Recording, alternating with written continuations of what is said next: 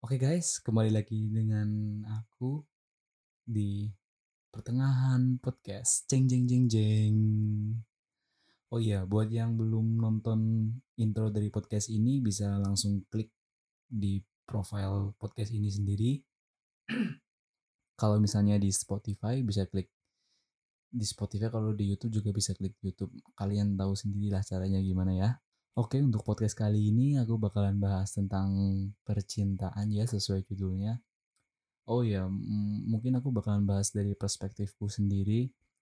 Uh, lebih ke cerita pribadi sih yang mungkin masuknya.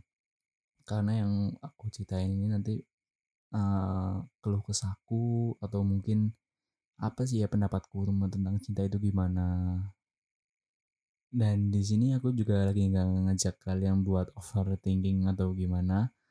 Uh, intinya cuma mau cerita aja tentang perspektifku sebagai manusia yang udah berkali-kali jatuh cinta gimana atau apa sih istilahnya ya ya gitulah curhat mungkin ya istilahnya oh ya sebelumnya buat karena apa namanya podcast ini mengandung kata-kata negatif atau apa gitu ya uh, lebih baik kalian pakai headset kalau misalnya dengerin lagi sama orang tua kalian atau lagi dengerin di tempat umum Iya nggak apa-apa sih kalau kalian nggak mau pakai headset itu hak kalian. Tapi kan rekomendasi dariku juga supaya suaranya lebih uh gitu loh. Oke, pertama kita masuk ke bahasan yang pertama ya. Cinta.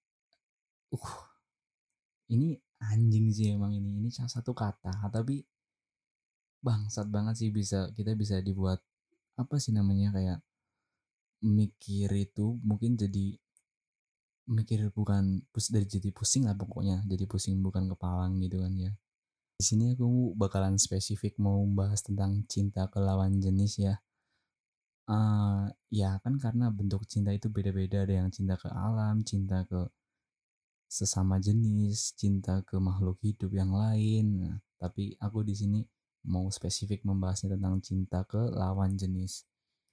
Uh, spesifiknya lagi aku dari cowok ke cewek. Ya nggak apa-apa sih kalau yang cinta sama jenis juga itu hak kalian kalau mau kalian rasa itu cinta. Oke mungkin masuk ke bahasannya yang pertama. Mungkin kita semua sepakat ya yang kita semua itu untuk yang mungkin rata-rata usianya sama kayak aku kita bakalan mengenal cinta pertama kali itu waktu SD. Iya nggak sih? Pasti ada kan ya yang apa namanya di sekolahan kalian itu yang kayak ih idaman banget gak sih? Kayak hmm, semua anak suka sama dia uh, terus apa namanya ya pokoknya dia pokoknya paling baik lah pokok bibit unggul bibit unggul di sekolahan gitu kan. Ya pasti ada mungkin waktu kalian SD kalau kalian nggak ngerasa mungkin ya kalian orangnya. Kalian mungkin nggak sadar atau mungkin kalian sadar tapi sombong aja gitu. Anjing bukan aku ya ini sih yang bakalan aku bahas sih yang kayak penyampaian rasa cintanya yang kayak apa sih namanya kayak bentuk-bentuk perhatian perhatiannya gimana gitu kan kayak masih lucu banget gitu masa-masa SD gitu kayak nih aku beliin batagor buat kamu nanti ngerjain PR-nya bareng ya. Kayak gitu kan. Iya gak sih? Pasti pasti yang kayak gitu-gitu. Terus ada lagi yang kayak ini aku baru diberiin pulpen sama mama aku buat kamu ya satu weh kan kalian pernah pasti kan kayak gitu ya. Terusan tukeran buku binder terusan apa ya kayak lagi olahraga lihat-lihatan gitu kan terus lagi nulis di kelas gitu kalian lihat. Terus ada lagi kan yang pakai surat gitu kan. Anjing sih ini memang yang pakai surat sih beruntung banget buat kalian yang ngerasain sih. Hmm, rasa rasa deg-degannya itu loh kayak kita nulis aja udah deg-degan gitu apalagi apalagi kalau misalnya lihat dia dibaca terusan senyum-senyum sendiri kalau enggak dia baca tapi dibuang tempat sampah bangsat itu emang kayak lo yang kayak gitu. Terus lagi kan pasti ada kan yang main cie-ciean gitu kan cie cie kita di depannya ngomong apaan sih? Apaan sih? Lah oh, aku kan aku aku nggak suka kok. Tapi di dalam hati anjing seneng banget sih gitu kan. Ada mungkin ya yang sampai pacaran tapi mungkin kalau kalau di tempatku di daerahku sendiri itu bisa dibilang rare gitu kayak langka banget loh yang sampai pacaran. Paling ya mentok-mentok kayak gitu doang. Uh, kalau anak sekarang nggak tahu mungkin sih ya. Anjing itu mungkin adikku aja udah pacaran sekarang. Gitulah romantisme romantisme tentang cinta itu kan berbeda-beda tiap generasi gitu kan. Dari generasi bapak ibu kita terusan kan dulu yang mainan telepon-telepon umum gitu kan romantisme romantisme kita itu kan udah yang berbeda lagi lebih modern. Mungkin anak sekarang juga beda lagi kita kan juga nggak tahu. Ada lagi yang sampai pegangan tangan mungkin itu pegangan tangan buat anak SD udah anjing deg-degan banget sih kalau aku dulu itu sampai kadang nggak bisa tidur gitu kan. Uh, besok mau ngasih jajan apa ya? Kayak gitu kan kayak ya romantismenya masih masih kayak gitu. Atau mungkin kalian pernah itu ngasih yang ngasih apa namanya permen bundar itu warna-warni yang coklat itu apa namanya ya ah caca anjing caca. Wah itu di SD ku kalau ngasih itu udah fix anak orang kaya sih bangsat itu. Hmm, kita kita mungkin sepakat itu mungkin awal awal tahap pertama kita mengenal cinta ya. Terus tahap selanjutnya mungkin SMP oh iya tadi balik lagi ke zaman SD hmm, kalau lagi masa broken brokennya gitu ya kayak lagi masa down downnya nggak diterima gitu kan. Kalian kalau kalian gimana? Kalau misalnya di tempatku sih dulu SD itu kan kayak ada lagu yang lagu Dewa 19 apa ya yang judulnya Pupus gitu kan yang baru ku sadari. Nah itu kalau lagi kalau lagi putus cinta waktu masa-masa SD itu pasti nyanyi itu sendirian di kamar. Nangis anjing kalau aku sih dulu karena karena yang si idolnya ini kan gitu kayak ya mau nggak bakalan mungkin gitu melirik aku aja itu pun kayak nggak mungkin banget sih ya anjing gak sih. Terusan yang nyanyi lagu itu nangis bangsat sih yang anak SD ini udah kayak gini dulu. Ah balik lagi ke yang tadi itu habis tahapan selanjutnya itu masa-masa SMP ya Nah, aku pakai patokan sekolah biar lebih gampang aja sih kayak biar lebih gampang ngurutinnya gitu kan. Mungkin buat yang kalian homeschooling nggak tahu. Makanya jangan homeschooling. Enggak ding, itu terserah kalian mau mau homeschooling apa enggak. Tapi ya tetap bagus sekolah biasa. nah, masukin masa-masa SMP ini kan udah yang lebih ke level up lagi gitu ya kayak romansa romansanya romantisme romantismenya gitu kan. Mungkin udah bukan permen caca lagi gitu kan yang buat jadi hadiah silver queen gitu. Silver queen cangki bar anjing sih itu kalau yang nembak ngasih itu tuh udah fix anak orang kaya sih bangsat itu. Aku kan kayak dulu waktu SMP tuh nggak nggak ada masa cintanya gitu kan. Karena ya gitu masa-masa SMP kan masa-masa yang mungkin bisa dibilang lagi baru keluar dari ekosistem yang enam tahun dari SD gitu kan. Masih ya belum masih terlalu mikirin cinta mungkin ya. Eh ada ding ada ada. Aku dulu pernah pacaran itu kan zaman zamannya Facebook gitu waktu aku SMP anjing kalian pernah nggak sih kayak kenalan dari Facebook terusan SMS-an SMS-an ya itu kayak yang pakai kata-kata anjing lah udah nggak usah dijelasin pakai kata yang aku sendiri pun masih udah lupa kayak gimana. Habis itu yang masa-masa SMP itu kan kayak ya pokoknya udah upgrade semua lah dari yang ke Caca jadi Silver Queen dan lain-lain ada yang nembak di di apa namanya di depan kelas gitu kan. Bangsat sih aku nggak ngerasain itu semua. Kayak ya yang emang nggak ngerasain gitulah lanjut langsung aja ya ke masa-masa SMA ya nah masa-masa SMA itu yang apa sih ya kayak mungkin titik baliknya banget gak sih? Kayak yang dari yang anak-anak langsung ke dewasa gitu kan udah mulai dewasa lah maksudnya. Ya gak sih? Kita kita mungkin ya sepakat semua masa-masa yang udah mulai itu ya SMA semuanya kayak dari sikap dari cara pacaran dan lain-lain gitu kan. Ya mungkin ada yang udah udah ciuman waktu SM eh, waktu SMP tapi kan aku pas SMA ya. Jadi aku ngomongnya ya SMA ya. Ya yang bisa dibilang dalam tanda kutip udah serius lah ya. Udah serius dalam ya waktu itu kita mikirnya udah serius waktu pas SMA iya gak sih? Apa sih romantisme romantisme SMA itu sih ya? Hmm, mungkin kayak nembaknya gitu kan cara nembaknya udah beda udah mulai serius gitu kan. Ada tuh kan yang nembak satu sekolahan gitu kan dibantu satu sekolahan bangsat sih itu emang.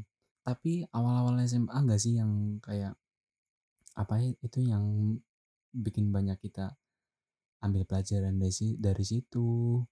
Bisa apa namanya ya bisa bisa ambil pelajarannya lah ya intinya ya. Soalnya apa? Soalnya kan masa-masa SMA itu kan yang di mana titik balik kita udah dewasa udah mulai pubertas gitu kan. Mana yang baik mana yang enak mana yang salah gitu kan. Kita udah mulai tahu. Masa-masa SMK ini kan yang kayak buat kalian tuh ya dari cara cara cara penyampaiannya aja itu udah berbeda. Ya memulai sesuatunya itu udah berbeda semua. Romansa romansanya tuh juga udah beda kan. Kayak nonton bareng terus jalan-jalan ke taman, makan, dinner, candlelight dinner, anjing itu sih semua itu. Terus manggilnya udah ayah bunda, beb, yang ada yang manggilnya B, B apa itu nggak tahu itulah. Ada lagi yang kayak lagi nonton bioskop gitu kan. Kalian nggak tahu apa-apa gitu. Kalian itu kan masih kayak hal baru gitu kan.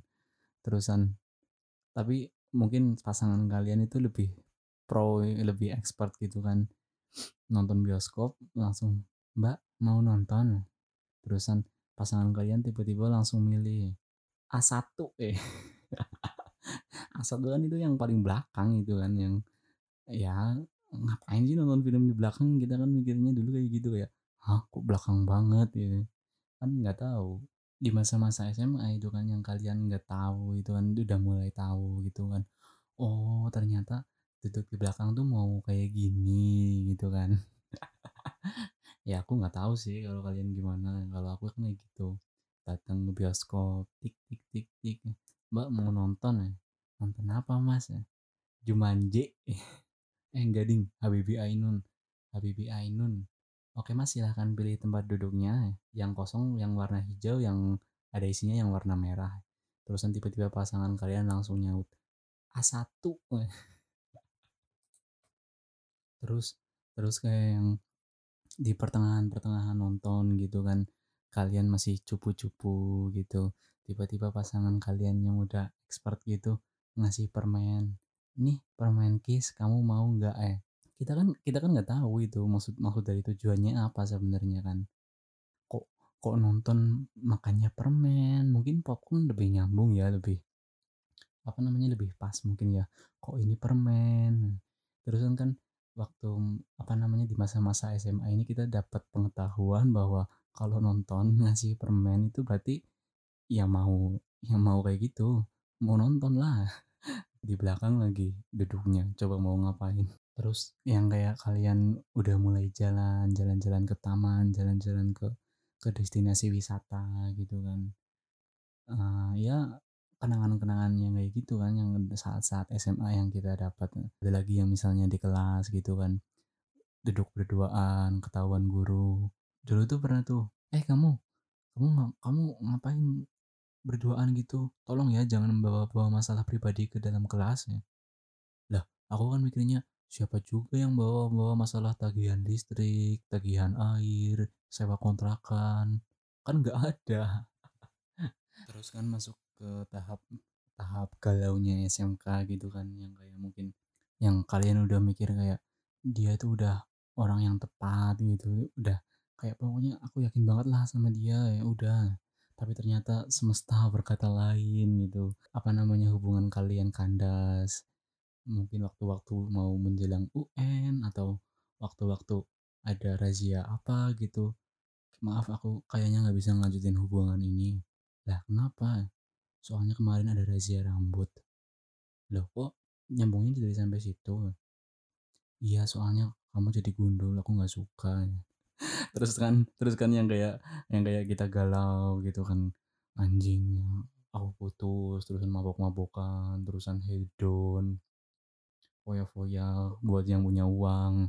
Aku singgah terus habis itu mm, mungkin aku bisa bilang cinta fase kedua ya. Soalnya yang kayak SD SMP SMA itu kan kayak udah masih bentuk pertama gitu kan kita belum sepenuhnya sepenuhnya bisa mengambil pelajaran dari situ. Soalnya masih apa namanya ya belum ada tanggungan belum ada pikiran tentang masa depan gimana mungkin ya menurut pendapatku pribadi. Soalnya aku begitu fase-fase cinta tahap kedua ini yang kayak kita udah mulai kerja atau kuliah gitu kan. Soalnya di masa-masa yang kayak kerja atau kuliah itu di umur sekitar 19 atau 20-an itu kita udah benar-benar beda gitu kayak uh, ya mungkin ada yang dari pacaran dari SMP sampai nikah ada yang dari SM, SMA gitu kan ada yang SMA sampai nikah gitu. Pokoknya aku nggak bisa pukul rata sih soalnya ini pendapat pribadi aja. Soalnya yang menurut aku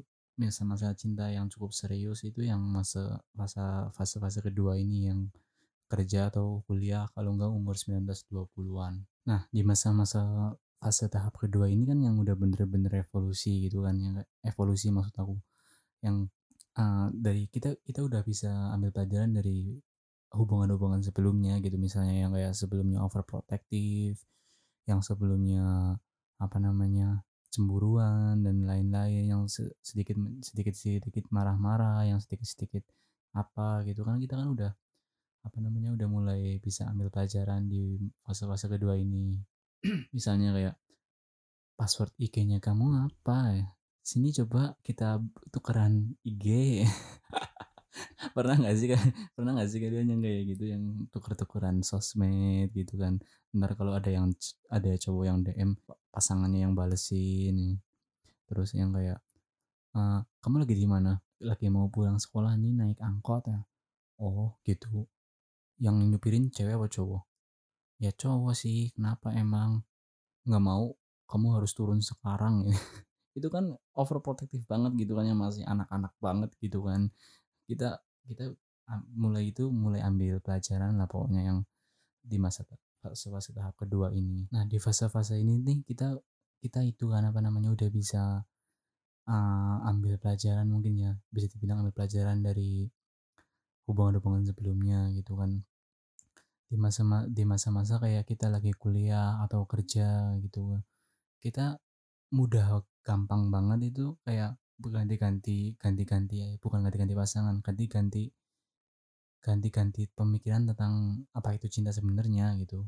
Menurutku di situ. Terus kan kayak lebih gampang juga tadi dapat buat kontak ganti pasangan gitu. Pernah gak sih kalian kayak nyoba aplikasi-aplikasi dating gitu saking se-struggle-nya kalian gitu sampai nyoba-nyoba aplikasi kayak gitu kayak Tinder, People Nearby, Tantan, semuanya lah anjing aku pernah semua bangsat.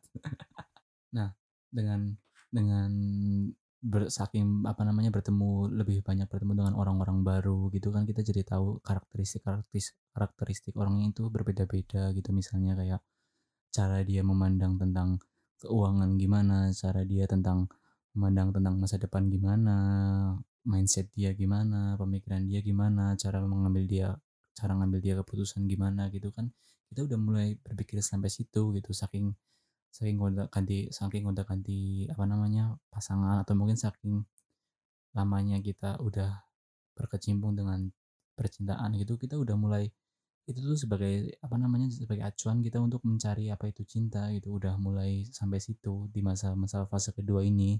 Tapi mungkin tapi mungkin di masa-masa sebelumnya kayak SM, SMA SMP gitu kita udah menyadari itu sifat-sifat manusia. Tapi kita belum belum mungkin belum tahu gitu ya kayak apa sih ini?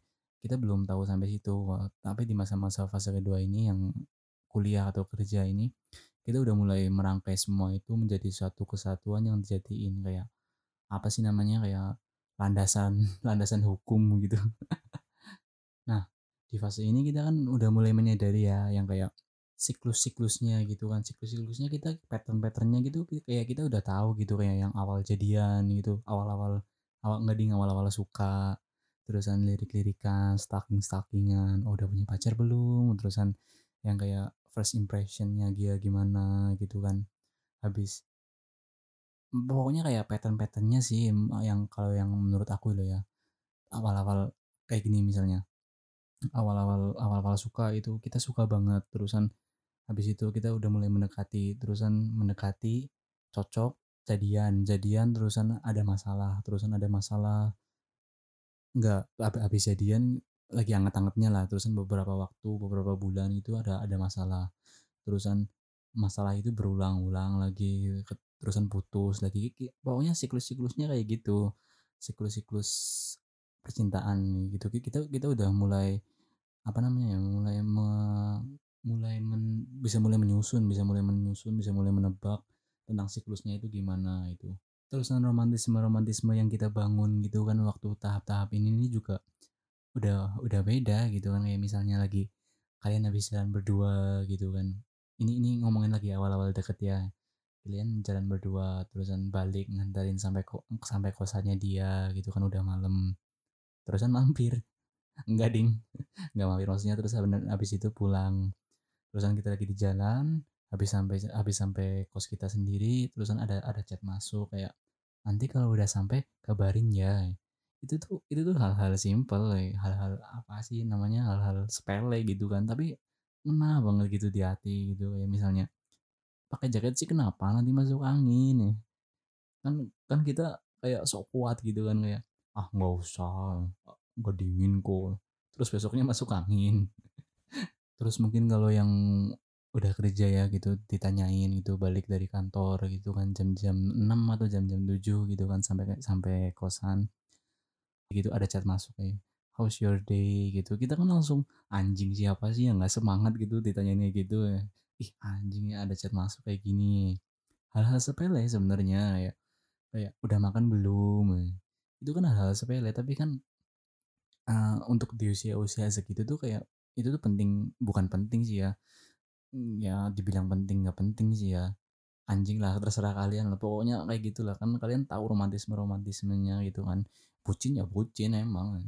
Tapi tapi ya gimana lagi kan dibilang alay ya alay lebay ya lebay. Tapi pertanyaan-pertanyaan gitu kayak yang misalnya tadi itu tuh pakai jaket terusan ngabarin sebelum sampai kos itu lah pokoknya hal-hal sepele kayak gitulah. Terusan kita kita balik kerja ditanyain gimana hari ini. Terusan kita mungkin bakal jawab baik-baik aja. Ya. terusan kita kita ditanyain misalnya ya udah makan belum? Kita bakalan jawab belum nanti aja. Aku masih capek. Terus kan yang si pasangannya gitu kan bakalan jawab ih makan lah nanti kalau mau makan nanti kamu sakit. Iya nanti ya. Terusan pasangannya maksa gitu ya ya sekarang lah masa nanti? Iya nanti aku makan kok. Terusan si pasangan udah mulai maksa lagi. Ya ya udah kalau nggak mau makan aku nggak bakal balas chat. Terus kan habis itu kita baru makan gitu. Ya hal-hal sepele kayak gitulah yang bakalan apa namanya merekonstruksi mungkin ya istilahnya. Aku nggak tahu lah pokoknya kayak gitu jadi kita tuh menata ulang apa apa itu konsep dasar cinta itu gimana gitu kita udah mulai berpikiran kritis banget itu lah intinya udah mulai mikir tentang masa depan dan lain-lain itu pokoknya dari awal kita lahir sampai masuk fase-fase itu tuh uh, udah bener-bener berkali-kali berubah pandangan tentang cinta itu gimana gitu kan. Nah di fase-fase ini tuh kita udah mulai berpikirannya tuh kayak uh, apa sih ini ya? Apa, sih ini yang namanya cinta? Mungkin kalau yang apa namanya masih kuliah gitu kan atau yang masih kerja gitu kan itu udah punya orientasi yang berbeda-beda banget itu kayak misalnya nanti ke depannya mau gimana nanti, nanti karirnya ke depan bakalan gimana terusan itu tuh yang bakalan jadi pertimbangan juga apa namanya masuk ke dalam masuk ke dalam apa namanya masuk ke dalam konsep-konsep cinta itu kayak udah jadi campur jadi satu gitu terusan misalnya yang kuliah nanti mau kerja di mana gitu itu tuh masuk masuk semua dalam konsep cinta yang untuk fase kedua ini Soalnya yang untuk fase pertama mungkin kita belum mikirin itu jadi nggak dimasukin mungkin ya. Tapi kalau yang udah, eee, fase kedua ini kita udah mikirin sampai situ, sampai karirnya ke depan gimana, nanti lulus kuliah mau gimana, nanti mau kerja apa. Pokoknya bikin bikin overthinking lah, bangsat lah, pokoknya kayak gitu. Nah, di fase-fase ini kita bakalan berpikir kayak, menikah itu apa sih? Cinta itu apa sih? Terusan, ya itulah ya, menikah itu buat apa? Terusan cinta itu ya apa? Apakah pernikahan selalu berdasar dengan cinta? So soalnya kan ada juga kan pernikahan yang dijodohin gitu. Kita bakalan berpikir sampai situ, udah mulai mu karena mungkin otaknya udah mulai memproses semuanya gitu kan. Udah mulai dewasa lah pokoknya. Kayak pernikahan itu apa sih? Apakah itu perjanjian sehidup semati atau cuma perjanjian di atas kertas atau apa gitu. Itu yang bikin overthinking banget sih dari dari yang hubungan-hubungan kita sebelumnya gitu kan dari pertama kita lahir dari SD kita tadi aku ceritanya dari SD SMP SMA gitu udah mulai udah mulai tahu tentang pattern-patternnya gimana. Itu ya- itu yang bikin kita overthinking banget kayak apa ini apa sih cinta ini ya? Kita cinta sih apa? Kan kan dari awal-awal suka PDKT PDKT jadian jadian udah mulai mengenal lebih dalam lebih dalam habis itu ada konflik habis ada habis ada konflik baikan baikan ada konflik lagi konflik baikan baikan konflik lagi habis itu putus sudah kayak gitu doang kan kayak hah apa sih ini? Apakah apa apa ini cinta ya? Kita nggak tahu kita nggak tahu nggak tahu titik pastinya. Ada yang bilang cinta itu cuma satu sendok teh cuma sebatas satu sendok teh. Kalian tahu nggak sih yang istilah-istilah kayak gitu cinta itu cuma sebatas satu sendok teh dan ada benernya juga itu. Nah dari situ kan kita udah mulai bisa berpikir ya tadi ya. Udah mulai bisa berpikir habis itu ya pandangannya lebih luas. Kan ada tuh yang kayak usia 40-an 50-an itu belum menikah gitu. Apa sih yang mereka pikirin? Nggak mungkin kan mereka nggak mikirin apa itu cinta sebelumnya gitu kan. Pasti mereka pernah jatuh cinta tapi kok nggak menikah di umur segitu? Terusan apakah nanti aku bakalan kayak gitu di umur segitu nggak nggak menikah juga. Kan nggak nggak mungkin yang umur 40-an itu ditanyain kok kamu nggak menikah? Kenapa ya? Nggak mau aku mau fokus akpol. Kan nggak mungkin di umur umur segitu mereka mereka apa namanya nggak mikirin tentang cinta. Pasti pasti mereka mikirin dan uh, berdasarkan pengalaman-pengalaman mereka itu membentuk jadi maksudnya memutuskan mereka itu nggak percaya dengan cinta at- atau memutuskan untuk nggak menikah gitu banyak sih orang-orang yang kayak gitu yang aku tahu nah aku tuh lagi di fase-fase itu yang fase-fase di mana kayak masih belum bisa memutuskan apa itu konsep cinta itu kayak gimana dan konsep menikah itu kayak gimana. Beruntung banget buat kalian yang kayak udah nemuin udah nemuin jawabannya apa dan udah nemuin bakalan nantinya bakalan gimana. Soalnya apa sih ya kalau kalau aku tuh masih masih bingung sama konsepnya cinta itu kayak gimana. Ada yang bilang kan apa namanya? Cin- cinta itu kan yang namanya hubungan kan saling saling mencintai, saling menjaga satu sama lain, saling support satu sama lain. Ada di titik terendah, ada di titik tertinggi gitu. Tapi eh, aku masih masih rancu sama konsep-konsep yang seperti itu sampai sa- aku belum pokoknya belum nemuin hakikatnya yang kayak apa yang sebenarnya cinta itu kayak gimana sih? Soalnya kan dari yang dulu-dulu kan eh, ya kayak gitu kayak gitu doang ya hubungannya hubungan suatu hubungan itu Apa tahu mungkin ego yang terlalu tinggi gitu, dari aku sendiri sampai belum menemukan jawabannya. Terus mikirin konsep-konsep menikah itu kayak gimana gitu, aku juga belum mikirin ya, menikah itu kayak gimana sih ya, eee, dasar-dasarnya apa, terusan kayak, eee, suatu pernikahan itu bakalan putus itu kalau apa apakah ada perjanjian sebelumnya gitu. Mmm, pokoknya masih rancu lah. Tapi yang kayak romantisme-romantisme pernikahan gitu, romantisme-romantisme masa depan itu kayak udah udah bayangin belum sih kalian kayak udah ngomongin udah ngomongin belum sama pasangannya misalnya ya, eee, "Nanti anak kita mau dikasih nama siapa ya?" Terusan, "Mau anak berapa ya? Cewek apa cowok? Eee, anak kita mau sekolah swasta apa negeri nantinya?" Ya pemikiran-pemikiran romantisme pernikahan yang kayak gitu tuh yang aku ya udah aku aku udah gam ada gambaran. Tapi romantisme menjalan konsep pernikahan itu kayak gimana aku masih rancu. Nah mungkin di akhir sesi ini mungkin aku bakalan ngajak kalian uh, tanya ke diri kalian sendiri dan jawab sendiri kayak definisi cinta itu kayak apa sih? Definisi pernikahan itu kayak apa sih? Ya yang kayak gitu kayak gitu. Kalian beruntung banget buat kalian sih yang udah nemuin jawabannya dan buat yang belum nemuin jawabannya semoga kalian cepat nemuin jawabannya gimana. Entah itu di akhir keputusan kalian bakalan percaya sama cinta sama pernikahan atau bakalan nggak percaya sama cinta atau sama pernikahan itu keputusan di kalian sendiri. Dan aku cuma ya bisa ngomong bisa ngomong aja ya. Nggak nggak bisa ngapa-ngapain nggak bisa merubah pikiran kalian gimana. Soalnya yang nentuin pendapat itu dari, dari diri kalian sendiri terus aku mau tanya lagi juga kayak dari diri kalian ini kan udah memasuki beberapa beberapa fase-fase cinta udah berkali-kali jatuh cinta juga.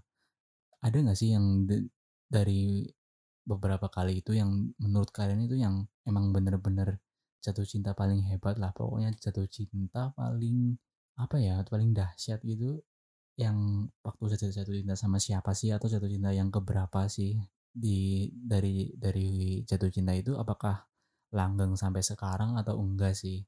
Dan kalian mungkin jawab ke diri kalian sendiri. Di akhir sesi untuk penutupannya ya itu tadi aku nggak uh, ada nggak ada kesimpulan yang bisa diambil dari podcast ini ya karena namanya podcast pertengahan tadi. Cuma bisa ngajak kalian berpikir ke sana kemari tentang cinta sampai kalian menemukan sendiri dan kalian jawab sendiri.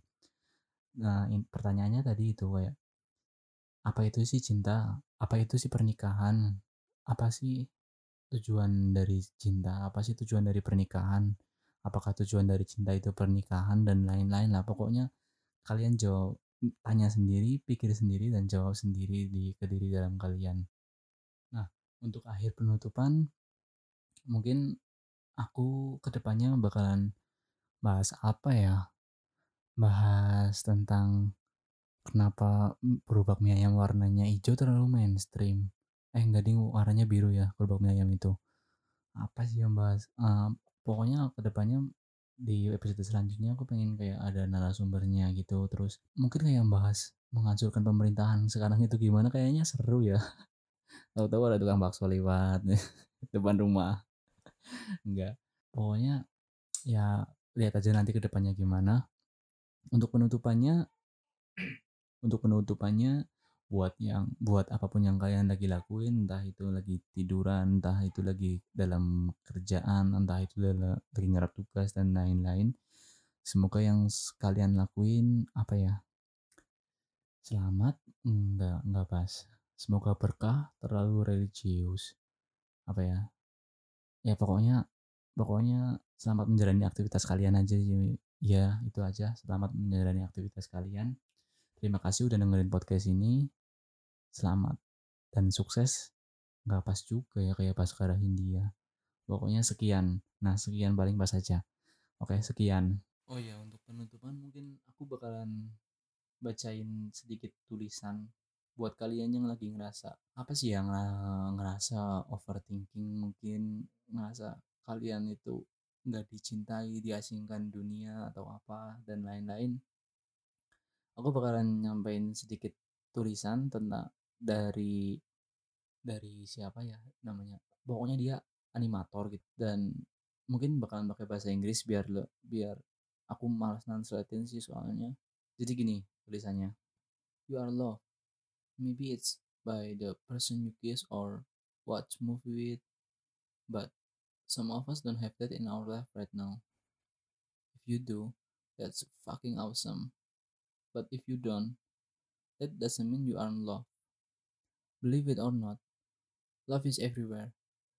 It comes up in so many different forms. It finds you in so many different places. It comes up when you least expect it. Even when you think you give it up, you're all sour and grumpy, and the last thing you want to do is get up and out of the bed. Love will find you. Maybe it's through your friends leaving a funny voicemail maybe just looking at the moon for a little bit, but it will find you because it always does. It's important to remember that you are loved. Thank you.